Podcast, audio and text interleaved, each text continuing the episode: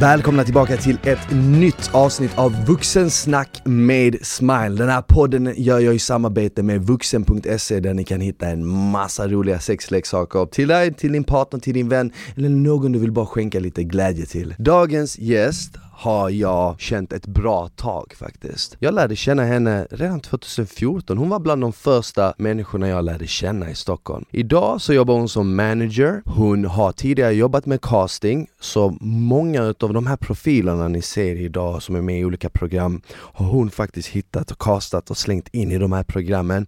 Hon har en podd som heter Två meter dumheter och hon heter Rosanna Charles. Välkommen Rosie! Tack hjärtat! Kul att ha dig här! Så kul att vara här, verkligen. Eh, Har du tänkt på det? Du är faktiskt bland de första jag lärde känna när jag kom till Mm, Stockholm. mm, 2014 mm. flyttade jag upp hit i hösten Mm. och jag lärde känna dig då redan. Mm. Ja. Så sjukt. Sjukt, tiden går snabbt. Ja, du, har inte ändrats, du har inte ändrats någonting sedan dess. Nej. Du har hållit dig fresh. Menar du utseendemässigt? Utseendemässigt, ja men så är Du du. är såhär black don't crack. De brukar säga det ja. Men det är bra med det annars. Det är jättebra. Hur, hur, det är bara bra. Hur trivs du under den här pandemin? Alltså jag är ju så jävla liksom, energisk som person. Det liksom ska ju hända saker hela tiden. Så det, alltså, jag tycker först och främst att det är väldigt tråkigt och hemskt och till en början var det väldigt läskigt. Alltså, Mm. så här, eh, men sen också att det verkar ju liksom inte ta något stopp. Alltså Nej. det är liksom, nu har det blivit en ny våg och blivit värre. Jag har tydligen haft corona utan att jag vet om det. Du har haft det? Ja, Ja, du har kollat upp det? ja, jag har antikroppar liksom. Så Mhm. förmodligen så. Vet du när du hade det? Alltså jag tror ju att jag har haft det två gånger. Kan man ha det två gånger? Ja man kan ju tydligen det. Alltså, jag var ju i um, Jamaica i, vad var det, i mars, nej, eh, februari, kom hem i början av Mm. mars, blev sjuk direkt. Så man kan säga att det var du som tog in corona i Sverige? Ja men typ, alltså det känns så. Men, men då tappade jag lukt och smak i Mm. tre veckor och då var det inte ett känt symptom. Så Nej. det var liksom det enda jag hade, så jag var ju ute och liksom shottade tequila på Stureplan och bara Ja. fan vad schysst, jag kände ingenting. Sen så kom det bara, det här är ett symptom, jag bara oops du vet, patient Ah. zero typ. Så jag bara, kanske ska vara hemma. Men sen så testade jag mig efter det för antikroppar, då hade jag inte det. Så jag bara, Nej. jaha okej, då har jag väl inte haft det.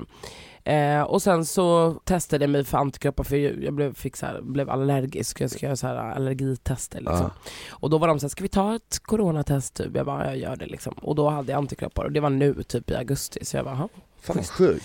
Så någon gång mellan juni och augusti har jag åkt på det. Men du kände ingenting? Du hade ingen symptom? Att du var typ så trött eller? Jo, men Förutom det här med lukt och smaksinnet? Mm, jo, men det tycker jag att man alltid har från och till. Eller förstår Mm, du? Så, här, så jag vet liksom inte. Nej men man vet ju inte. Och det är fan läskigt det där med lukt och smaksinne Mm. för någonting jag hörde häromdagen det är att många som har blivit av med det har inte fått tillbaka det helt Det och är hållet. ju min värsta mardröm. Eller hur? Alltså jag är ju en matfantast. Vad hade det varit värst? Smak eller lukt? Alltså, smak typ måste, smak. eller hur? Ja. För då känner du ju inte maten och så här. Exakt. För luktsinnet, visst det är nice, men det enda gången du tänker egentligen på ditt luktsinne, det är ju typ om du går förbi ett bageri eller Mm. känner en kopp kaffe eller något sånt. Alltså jag har ju ett otroligt luktsinne, det är så, här, det, jag är typ känd för det, för jag verkligen, Mm. nej men alltså det är sant. Jag har ju superproblem med folk som typ luktar illa eller någon som har så dålig, alltså jag känner det på mils avstånd. Alltså så här dålig säga till då? andedräkt. Ja. Du är den som Ja, säger till. ja, men men det, jag är också sån. Men jag tycker att det är taskigt, om jag sitter och Mm. snackar med dig och så Mm. bara luktar du liksom skit i käften och vi är Mm. ute på krogen. Ska jag inte säga det, så ska du gå och ragga på någon brud som inte kommer våga säga till dig. Då är det Ja. bättre att jag bara brorsan här, ta ett tuggummi.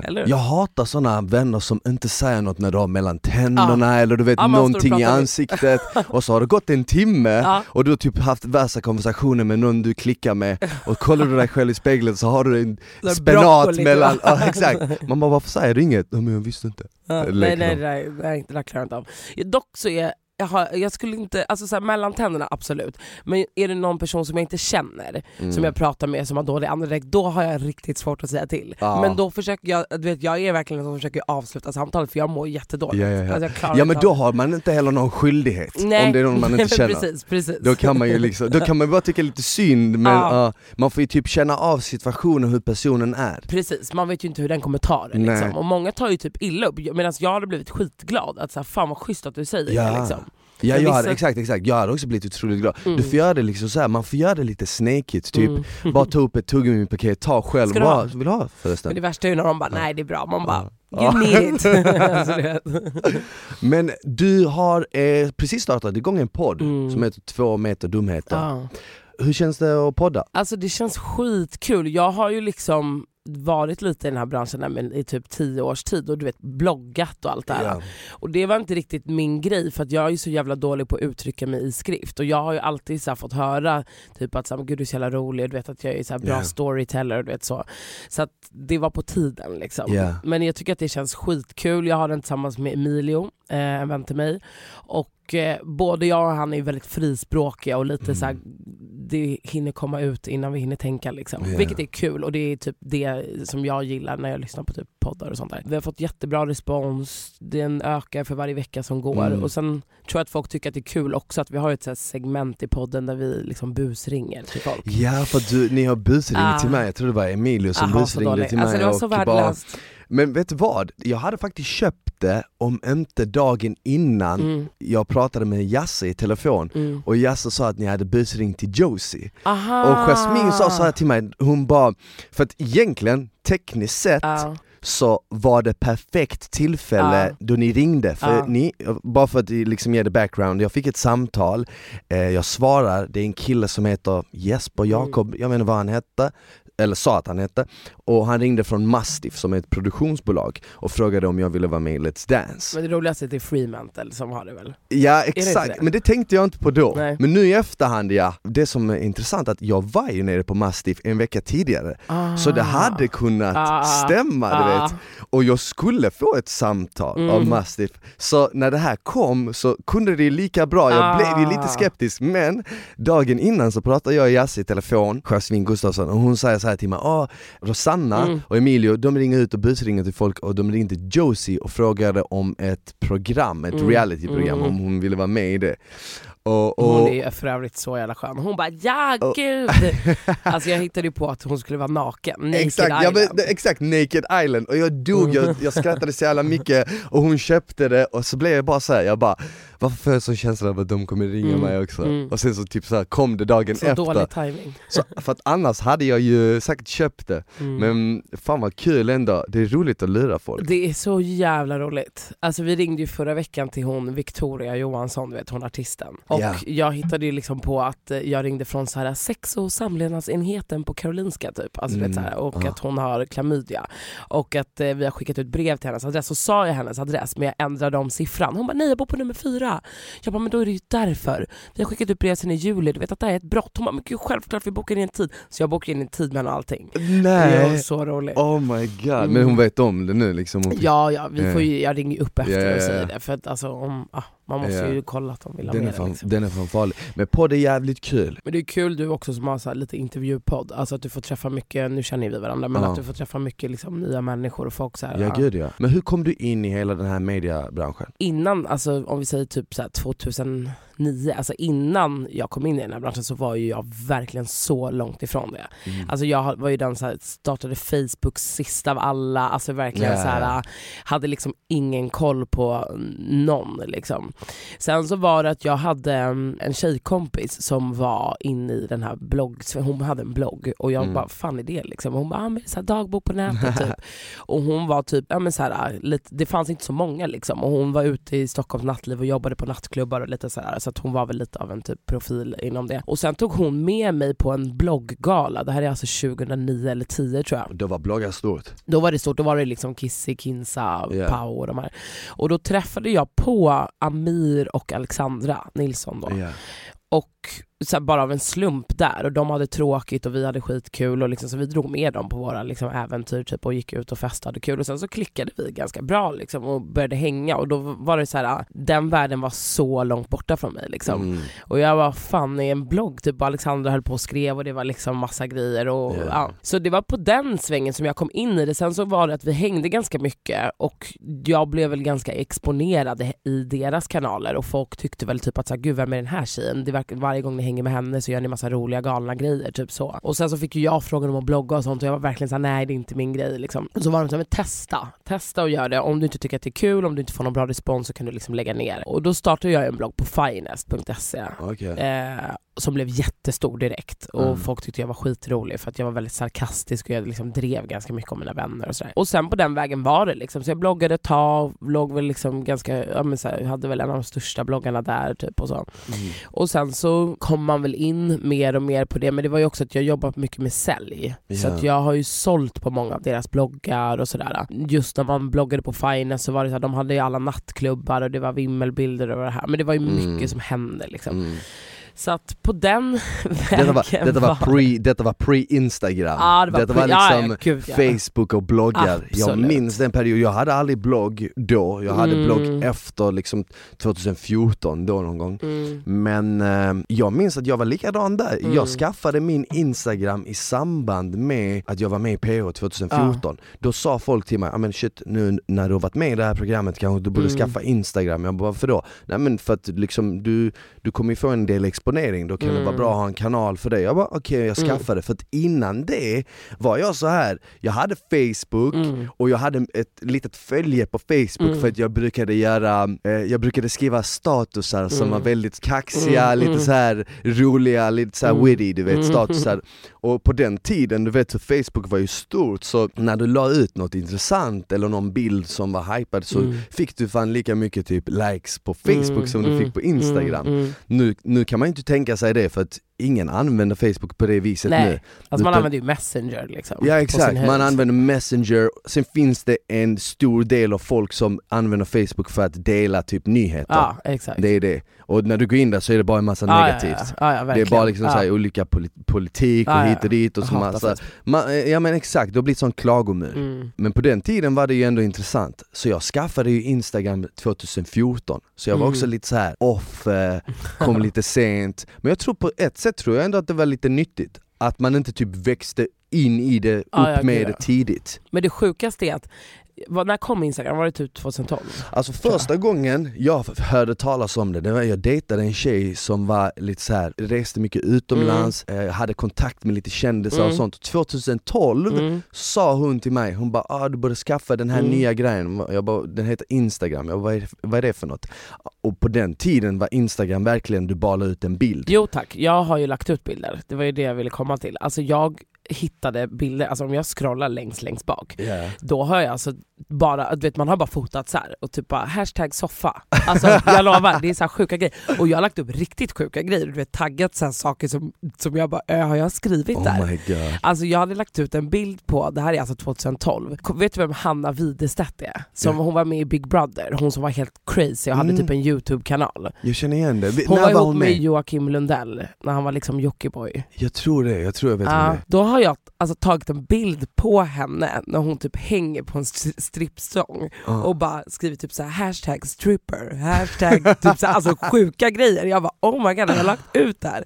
Det var ju Oh. verkligen så här, man trodde ju inte att det, Ja, ja. Liksom, Instagram skulle explodera, Nej. man var typ så här, det här är min privata grej. Du Ja vet. men exakt, du kunde ju bara lägga ut bilder. Ja, Nu kan man ju liksom lägga stories och stories Exakt. är ändå relativt nytt. Kunde man ens slida in på DMs på den tiden? Jag tror inte Nej, det. typ Man inte. kunde typ bara, det var lite som en dagbok ja, som du lägga sa. upp bild liksom, Lägga och ut en kommentera bild. kunde man göra. Exakt, men sen så för min del, eftersom jag var med i tv-program 2014 då, Mm. så gick det väldigt fort från Mm. att gå från ett nytt konto till ett konto med massa Exakt. följare. Ja. Så det blev så här, what the fuck, du vet vad är det som Mm. händer? Men på så sätt var det ju ändå bra för att då var man ju fortfarande sig själv. ja men verkligen. Men hur kom du in i allt det här med casting? För jag vet när jag lärde känna dig, då höll du ju på med det, du castade ju till olika program, Mm. typ X, castade du för PH också eller var det mest Ex on the beach? Nej jag hjälpte till någon gång på PH.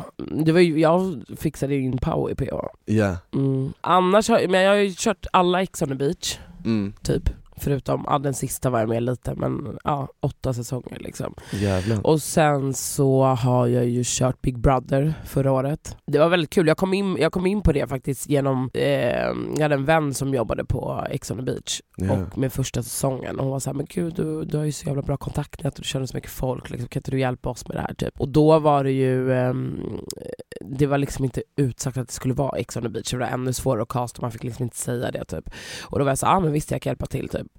Ja. Så det var typ så jag kom in på det. Då tog jag in typ så Adde, Sara Bolaj och de här Exakt, liksom. exakt. Och sen så var det ju bara att jag fortsatte på det för att det var liksom enkelt för mig men också det var väldigt kul och typ Mm. så här, jag gillar ju att träffa nya människor och du vet så här, jag tycker att det, jag, jag tycker man växer så mycket som person av att liksom, du vet, Ja. lära känna nya personer hela tiden. Så jag tycker att det är så jävla roligt liksom, så Men- det passar ju mig perfekt. Har du varit ute då runt om i landet Mm. när du castar på de här eller är du i Stockholm?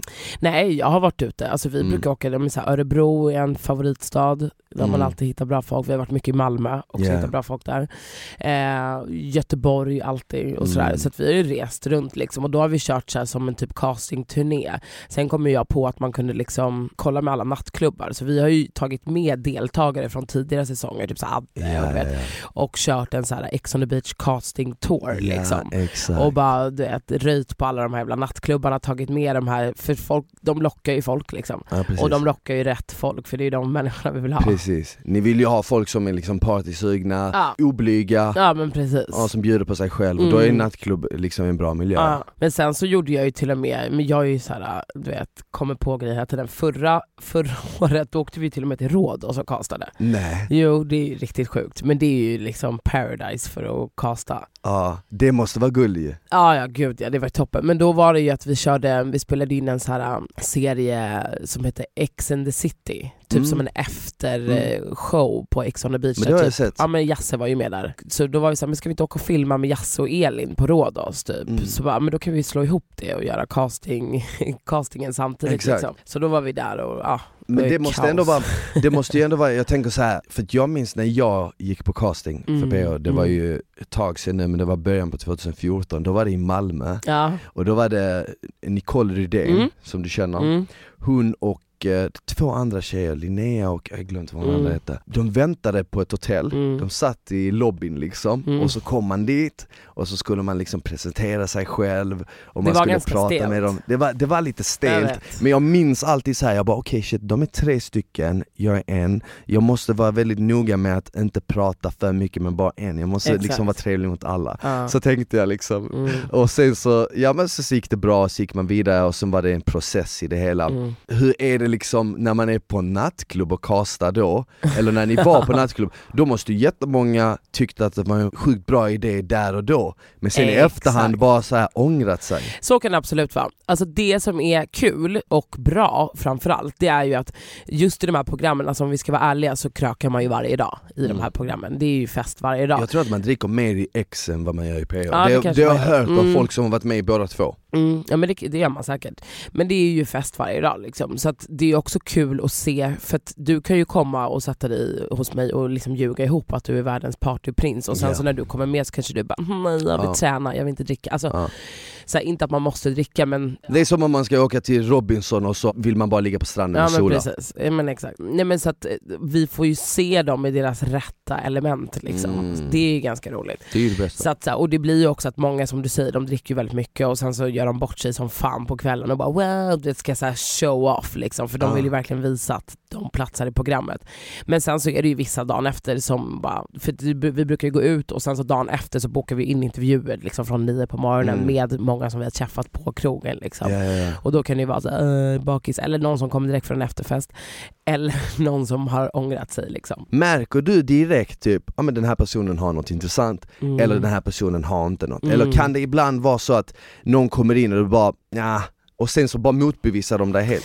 Oftast inte. Nej. Oftast så känner jag typ det direkt faktiskt. Alltså det är väldigt sällan som någon har, man har tagit in någon som liksom... Vad va, vad är det för känsla? Vad, är det du går på då? Alltså jag vill ju säga att jag är en ganska bra människokännare liksom. Så att jag känner ju ganska fort om jag får en bra vibe av en person eller om den här personen så här spelar över bara för att det ska låta bra. Många är ju såhär, jag hatar ju folk som är såhär, jag kommer göra bra TV. För då är jag alltså, ja vad är bra TV? Du har ju aldrig varit med i TV själv. Vad är bra TV? Vad är det du kommer göra som är bra? Jag är ju Ja. ganska hård i det för att jag Mm. vet att så här, alla säger det men det är inte alla som har det. Det är inte det. Alltså bara typ Ex on the beach, alltså, man träffar ju liksom alltså, flera hundra personer Ja. och av hundra ska vi plocka, alltså flera hundra så ska man plocka ut liksom 24 personer. Mm. Så det är ju ganska speciella karaktärer man hittar, alltså så är det Mm. ju. Och du måste ju liksom vända på ganska många stenar för att hitta dem, så är det ju. Verkligen. Och eh, det kan jag tycka typ med Paradise Hotel, att det har failat ganska mycket de senaste åren för att de går inte på karaktärer idag utan de bygger karaktären genom synkarna. Mm. Många som är med i Paradise Hotel, i år bara, har ju jag intervjuat och sagt nej till på Ex on the beach. Det är så? Ja, för att jag tycker att de är helt personlighetslösa. Och sen så har de byggt upp dem via synkarna och säger Mm. så här, men säg så, var så, och så klipper de dem till en Mm. idiot. Det är ju så. Det finns alltså två vägar man kan gå, antingen så hittar du en karaktär Ja. du inte behöver bygga Nej, men vi, utan en, en, fär- färdig, en färdig person som Ja. har redan allt. Eller så tar du någon som du, du har mer eller mindre redan en mall färdig, du behöver bara en person som ska passa Mm. Nej men det in. kan inte jag göra på Ex on the beach, det kan du göra i PH. Men Exakt. Ex on the beach är ju, alltså PH kan du ju bygga i och med att, alltså de bygger ju programmet. I Paradise Efter- ja, Hotel kan ju du bestämma vem som ska vinna, Ja. typ.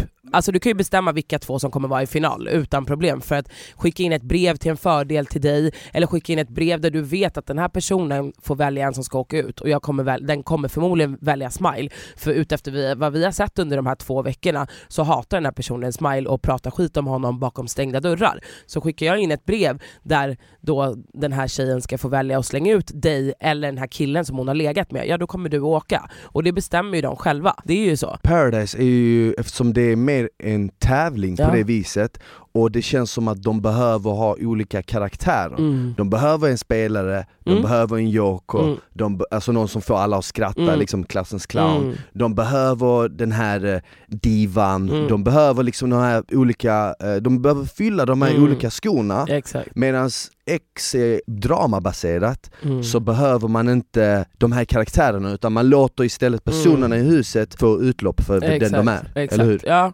ja, alltså PO är ju väldigt så här, du bygger ju en person via typ synkarna. Ja. Alltså tycker Jag, jag. jag, jag har aldrig varit med i X men jag kan ju bara föreställa mig Mm. att om jag hade kommit dit och så kommer ett ex in eller någon man har träffat tidigare Mm. och sen så håller du på med någon annan och de blir Mm. svartsjuka Mm. så kan jag tänka mig att det är mycket svårare att förutspå vad som kommer hända Så är det ju. och hur man själv kommer bete sig, eller hur? Verkligen, absolut. Hade du någon gång själv kunnat vara med i något av de programmen? Nej, aldrig. Aldrig? aldrig Hur kommer det sig? Ja, men alltså det är så långt bort ifrån vem jag är som person liksom. Alltså just de programmen, jag har ju fan varit med i liksom Lyxfällan, Mm. alltså förstår du? Men det är ju så här tio år sedan, när man var ung och dum. Men eh, ja, Paradise Hotel Ex on Beach, nej. Och sen är det också så här, alltså jag skulle aldrig ha ett ex som skulle kunna ställa upp i något sånt där ändå. Så att, nej. Men var det genom castingen du kom in på att jobba som manager? Nej, det var innan det. Alltså jag började med det, jag startade ju bolag typ så här 2015 tror jag jag startade mitt egna företag alltså.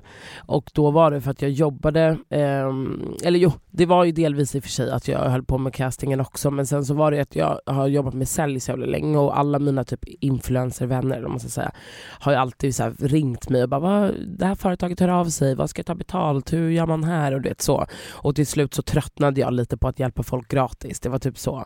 Eh, och då kände jag så här, men jag startar upp någonting själv liksom. Sen har jag alltid varit väldigt så här, på alla företag jag jobbar på så har jag typ så här alltid haft någon chefsposition men jag har alltid haft en liksom VD över mig och jag har typ Mm. inte gillat att inte vara in charge helt själv för jag Ja. är väldigt så liksom, men du vet jag vill köra mitt eget race liksom. Jag hatar när någon ska säga till mig så här, men gör så eller gör så. Ja, ja. Så därför startade jag eget bolag för att jag vill vara min egen chef typ. Mm. Exakt, du kände liksom att det var jobbigt att lämna över kontrollen till någon Ja annan? men typ. lite så men också för att jag tycker typ att, alltså det är jag väldigt för i typ alla företag, att tar du in en person på en position så tycker jag att du någonstans ska lita fullt ut på att Mm. den kan det jobbet liksom, tills att man bevisar motsatsen och det har jag varit, alltså så här, det har funkat bra för mig. Jag har haft väldigt mycket eget ansvar när jag har jobbat med liksom så här sälj och sånt där. Mm. Men, eh, med, och därför tycker jag att så, här, så länge du gör ditt jobb, och det kan jag tycka inom så här, casting också, att så här, det är ganska omodernt att så här, du ska sitta på ett företag i åtta timmar och Ja. 9 to 5 och det här. Jag tycker att det är väldigt omodernt Mm. sätt att tänka på utan jag tycker att så här, här har du en uppgift, det här är ditt jobb, det här ska du klara på en månad.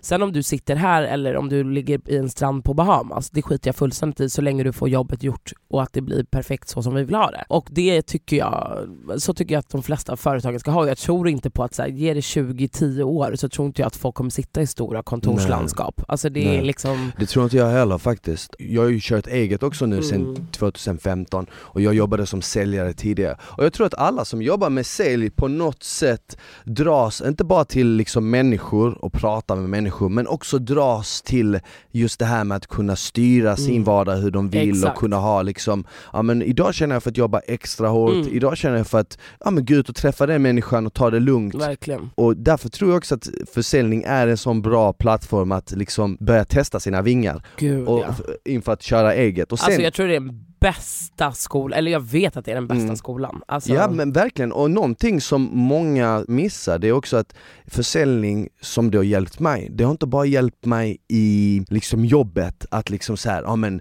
liksom få ut mitt budskap eller den produkten Mm. jag vill sälja Mm. eller vad den är. Men det har också hjälpt mig mycket i relationer. Mm. När du tjafsar med någon som Mm. du tycker om, som en säljare så Mm. märker man ju också när, man, när jag jobbade med, som telefonförsäljare Mm. tidigare Mm. eller när jag var ute på fältet och sålde, då märkte man ju också att okej men folk kommer ju komma med motargument till Mm. varför de inte Ja, vill ha det du säljer. Så du måste ju komma med ett Mm. bra argument tillbaka. Och samma sak är det liksom när du kanske bråkar med någon vän Ja, ja. eller någon partner eller whatever.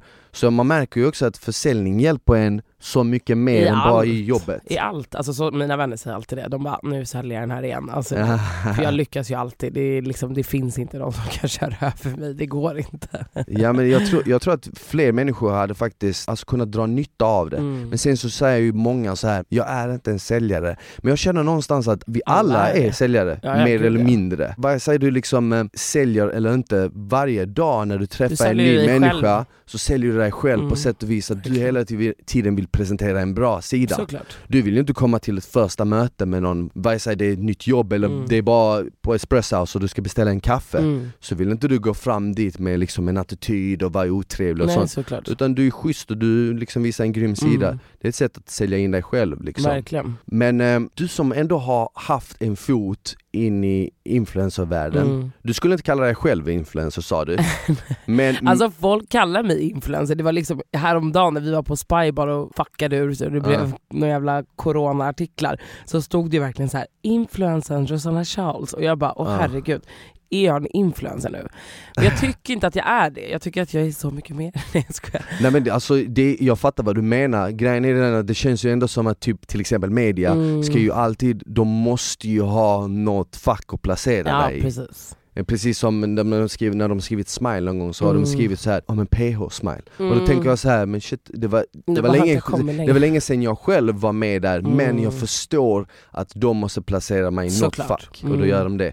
Men sen är ju också så här gränsen, var, var drar man gränsen? Vad är en influencer och vad är in, Ja. inte en influencer? Alltså influencer, ja på sätt och vis så kan man väl säga det. Alltså, så, liksom. jag menar Men- du har ju en hel del följare på instagram, Ja men samtidigt så är jag också så här, jag jobbar med folk som har jättemycket följare och jag Precis. jobbar med liksom, i företag. Jag gör ju väldigt sällan samarbeten själv. Alltså Nej. väldigt sällan. Jag säger typ nej till allt. Kommer det något jättebra, absolut.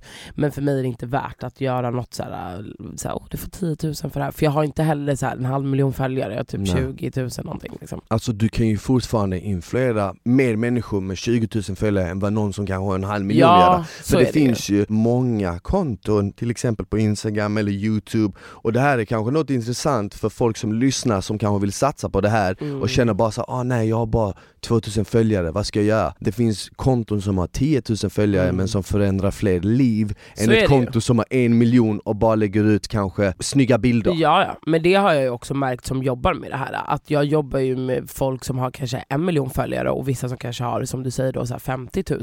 Och så här säljmässigt ibland, när man jobbar med ett Mm. De företag, kommenterar så bättre. den som har 50 000 konverterar mycket mer än den som Mm. har en miljon. För den som har en miljon kanske bara har det för att den lägger ut bilder på sin rumpa, alltså sex, Precis. sex eller vad man säger, men naket säljer ju. Och att hälften av följarna liksom är från Arabemiraterna, men du Ja. vet. Nej men det är sant, det är sant. Och, och så är det ju verkligen, så att jag tycker att så folk som vill satsa på det, kör liksom. Men hitta, det är viktigt också att hitta sin egen nisch. Det finns ju hur mycket liksom, konton som helst att följa. Och då måste man ju tänka så här, vad gör dig unikt? Varför ska jag följa dig? Vad är det som står ut till skillnad mot, ja men fan vet jag. Att man mer eller mindre bygger ett starkt varumärke typ. Ja, alltså att man försöker och att inte, jag tror att det är väldigt enkelt för folk att se det här från utsidan och vara så här: shit jag vill bli som Bianca Ingrosso eller jag vill bli som Jasse. Alltså så här.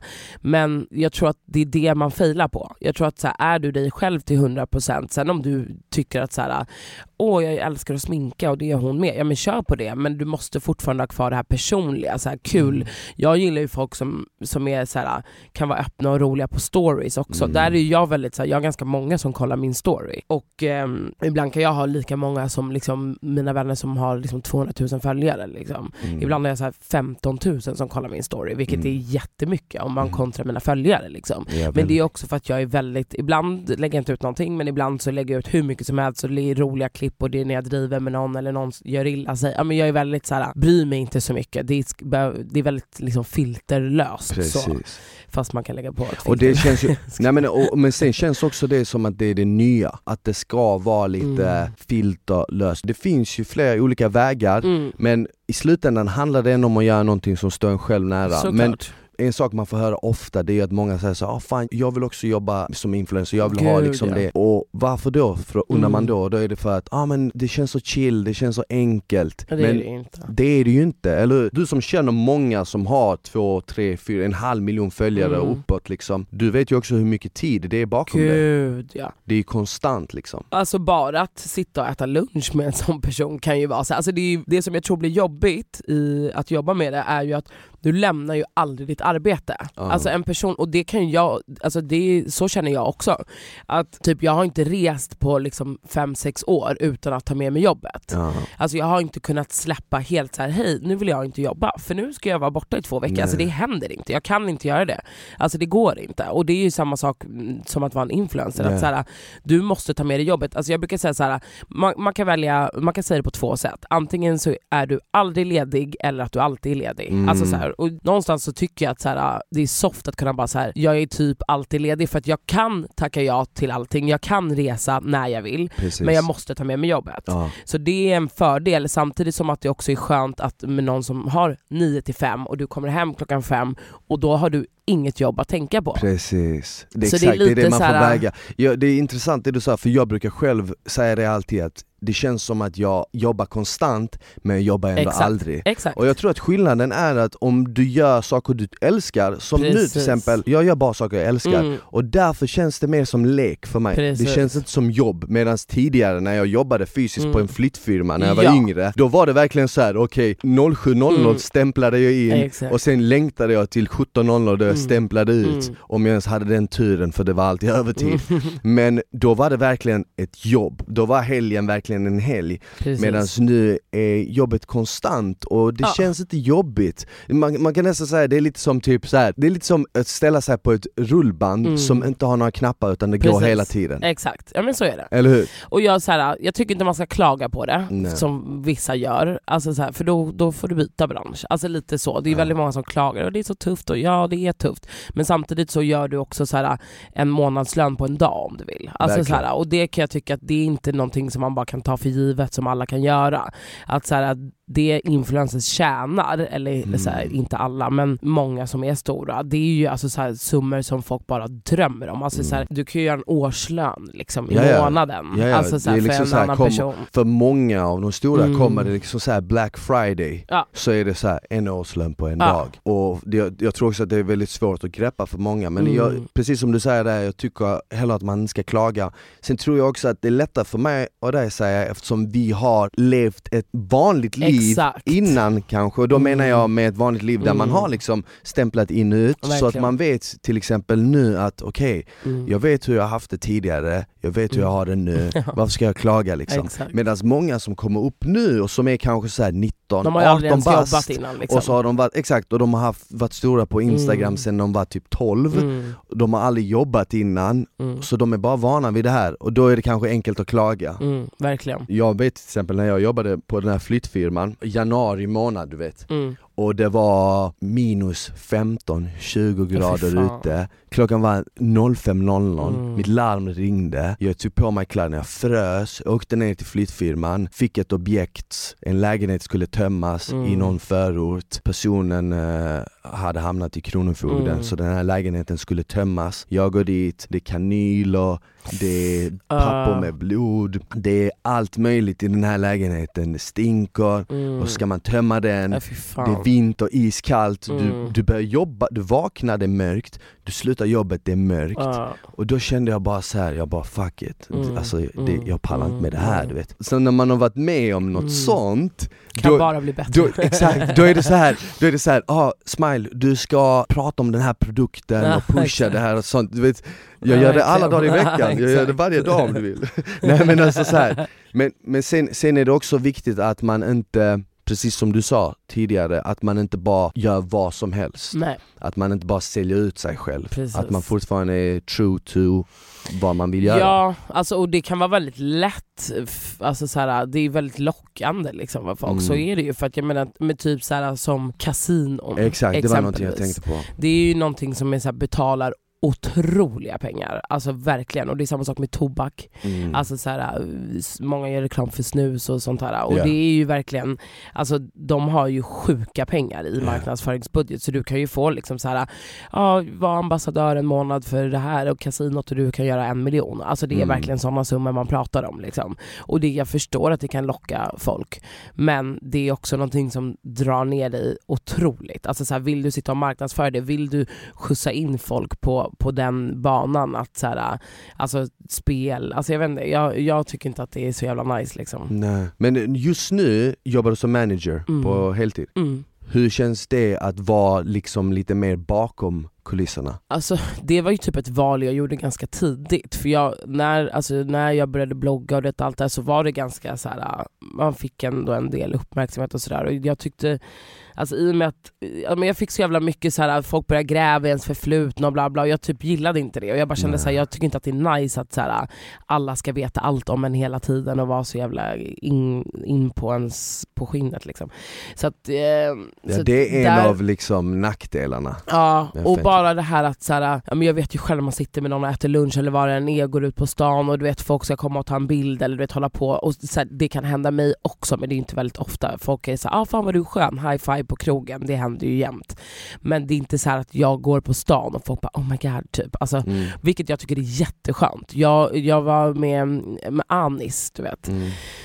Så vi var ute och tog en promenad och bara liksom här på Söder genom en park med liksom min hund på morgonen och liksom man var helt risig och det bara liksom, alltså kommer typ 40 ungdomar och bara ah nej, så bara skriker. Alltså, och han bara, alltså, jag har ju blivit liksom van. Jag bara, alltså oh my god det här hade jag aldrig pallat liksom. Nej. Så att ehm, det Den är är jätte- jobbig, den är jobbig Ja men du kan aldrig liksom vara privat, att så här, vad du än gör, eller så här, du måste tänka på hur du ser ut och du går ut, alltså du vet bara så här, jag, jag, vet inte, jag, tycker, jag tycker inte att det är nice liksom. mm. Så, um, så där bestämde jag mig ganska tidigt för att så jag, eh, så jag hade ju säkert kunnat haft 300 000 följare vid det här laget om jag hade, inte hade tänkt som jag gjorde. Liksom.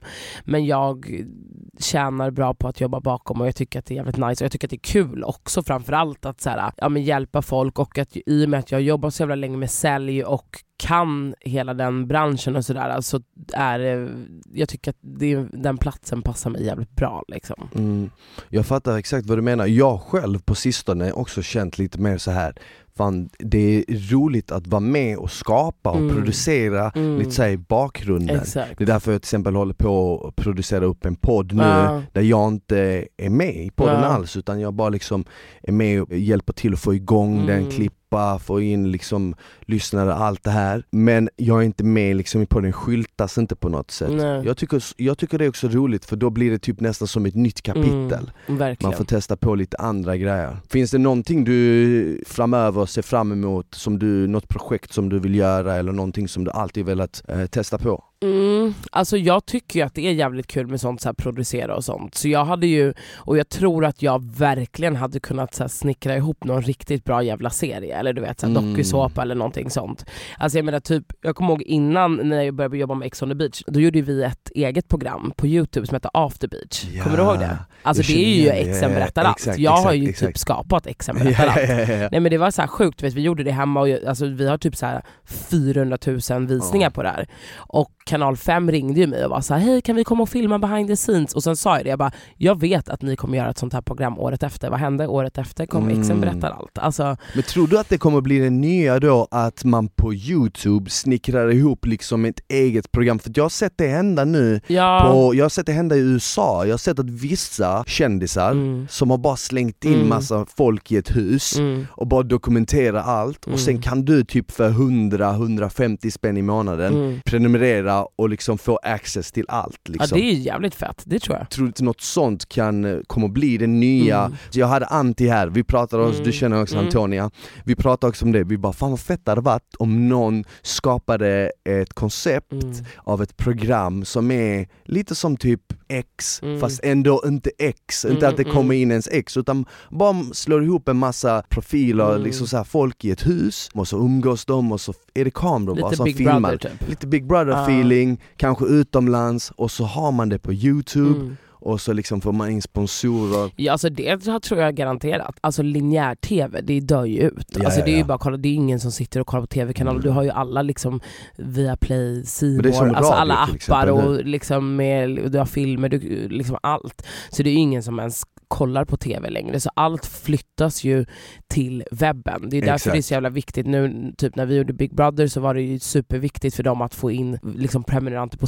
More. Det är ingen som Mm. bryr sig. Det är därför Ex on the beach går ju inte ens på tv. Det Nej. går ju bara på Dplay. Inte Liksom. Paradise heller. För nu till exempel Nordic Entertainment som Mm. tidigare pushade, för tio år sedan pushade Mm. på TV3, Mm. pushar nu enbart på Viaplay. Exakt. För det ska vara liksom net- motsvarigheten Mm. till Netflix. Mm. Och det är som du säger, allting går ju över till Ah, de här ja. streaming och då, då känns det automatiskt som att okej, nästa steg kanske skulle kunna vara att allting går endast på streaming och typ på youtube. Mm. Och liksom såna Men så kommer det vara. Ge det liksom, Ja. alltså bara ett par år så kommer det vara så. Det är, det är jag helt övertygad om. Men eh, det som jag tror är med Youtube också, att där har de ju ganska strikta regler när det kommer till innehållet. Du måste ju hålla dig inom vissa ramar för att kunna ha annonser och tjäna pengar och Precis. sådär. Så det man kan göra är ju att, skulle man göra en sån serie så som du säger får man ju ta in typ egna sponsorer och typ Mm. skita i om reklamen funkar eller inte liksom. Ja precis, Men det tror jag definitivt hade gått. nice. Vi får snickra ihop något Det kan, tillsammans göra. det Rosie. kan vi göra.